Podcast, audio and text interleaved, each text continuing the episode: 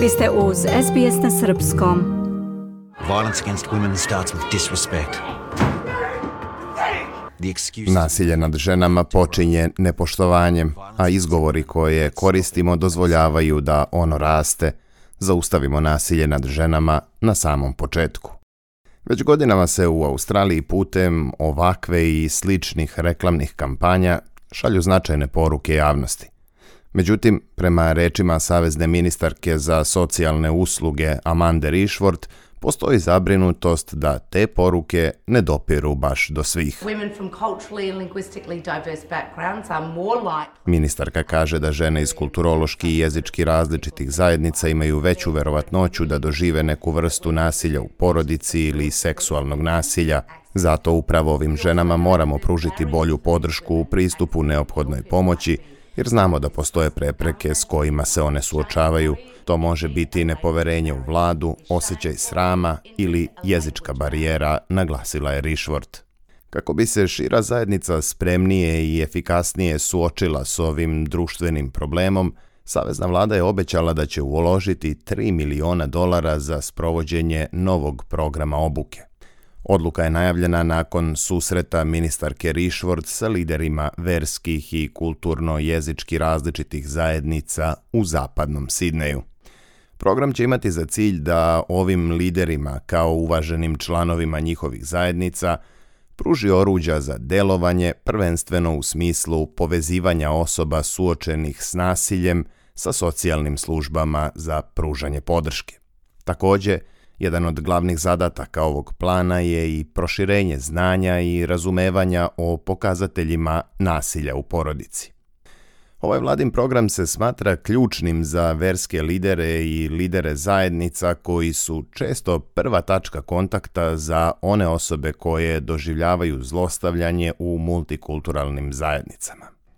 Među učesnicima sastanka sa ministarkom bio je i Vitijadaran Sarma, sekretar Hindu hrama Sri Karpaga Vinayagar. On smatra da je važno da lideri dobiju prava oruđa i dobre smernice kako bi mogli da pomognu članovima svojih zajednica. Uh. Sarma objašnjava da lideri zajednica nisu kvalifikovani za posao savjetnika, ali su oni ti koji razgovaraju s pojedincima i porodicama, primaju pritužbe i slušaju o problemima i poteškoćama s kojima se ljudi suočavaju. Oni su kao neka vrsta lekara, jer ljudi lekaru odlaze kada imaju lične zdravstvene probleme, ali kada žele nekome da se požale da im recimo dete slabo uči ili da često izlazi na žurke, onda će doći kod sveštenika i posle razgovora će se osjećati kao da su skinuli sa sebe deo tereta. Podaci pokazuju da svake nedelje u Australiji jedna žena bude ubijena od ruke svog supružnika, odnosno sadašnjeg ili bivšeg partnera. Takođe, oko 40% žena doživi nasilje već od svoje 15. godine. Savezna vlada i vlade australijskih država i teritorija obavezale su se 2022. da će okončati nasilje nad ženama i decom kao deo desetogodišnje nacionalne strategije.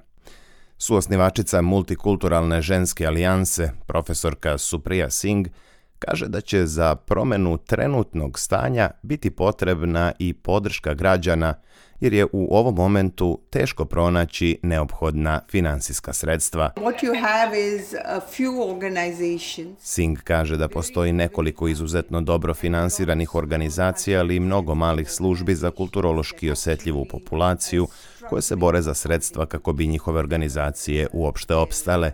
Neke su već morale da se zatvore iako su pružale izuzetno značajne i neophodne usluge. Međutim, ministarka Rishworth uverava da je nova vladina inicijativa drugačija od dosadašnjih. uh, uh, Oni koji žele da budu uspešni u sprovođenju ove obuke morat će da pokažu sposobnost da rade sa lokalnim organizacijama na terenu i da imaju mrežu ljudi do kojih treba da dođemo. Naravno, želimo da dopremo do verskih vođa i lidera zajednice kod kojih toliko ljudi odlazi po savet ili utehu, zato je partnerstvo s organizacijama unutar zajednice veoma važno, kaže Amanda Rishworth. Istovremeno, dr. Singh iz Multikulturalne ženske alijanse poziva da se obezbede stalna, a ne samo povremena ulaganja kako bi se rešila jedna od najvećih društvenih kriza u zemlji. You know, healing takes a long time. Izlečenje i osnaživanje u ovakvim situacijama traje dugo, a finansiranja su kratkoročna i povremena, kaže Singh. To moramo da izjednačimo, a sve postaje još gore kada organizacije koje nude podršku i za lečenje ni same nisu dobro finansirane, zabeležile su Sophie Bennett i Kira Hain iz informativne redakcije SBS-a.